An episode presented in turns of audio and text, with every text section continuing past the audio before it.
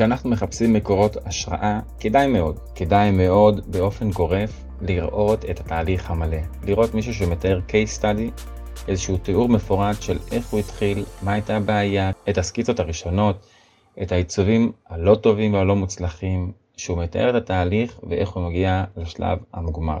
זה לא טוב כל כך לראות עיצוב מוגמר. זאת אומרת, כן, כשאנחנו מחפשים איזשהו עיצוב מעניין, איזו תבנית מעניינת לעבוד לפיה, משהו כהשראה, אבל כשרוצים להבין תהליך ושרוצים אחר כך לפתור בעיות בעצמנו, זה נורא עוזר, זה נורא מלמד לראות את התהליך המלא. ובדרך כלל הרבה לא מראים את כל התהליך. לא ירצו להראות את, ה... את כיווני המחשבה הראשוניים, לא ירצו להראות את הסקיצות הראשוניות, ולא תמיד ירצו להראות תהליך העבודה. גם מעסיקים, הרבה פעמים כשהם מסתכלים אצל מרואיינים, הם רוצים לחפש את התהליך העבודה.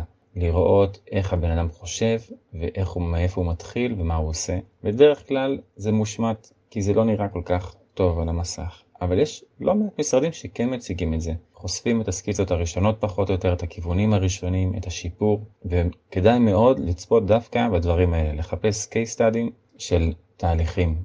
הוא לא תמיד מתחיל מעיצוב, זה לפעמים מתחיל בהגדרה של קהל לקוחות, ומה קרה, ומה מקור הבעיה, ומה ניסו לפתור, והרבה דברים עוד לפני שבכלל מגיעים לעיצוב. וגם כשמגיעים לעיצוב, צריך להבין את הקהל, איזה עיצוב מתאים לו, למה בחרו את הדברים האלה והאלה, איך הוא עבד, מה שיפרו תוך כדי, וזה באמת מה שמלמד אותנו ומאשר לנו את החשיבה שאנחנו בעצמנו נקיים תהליך.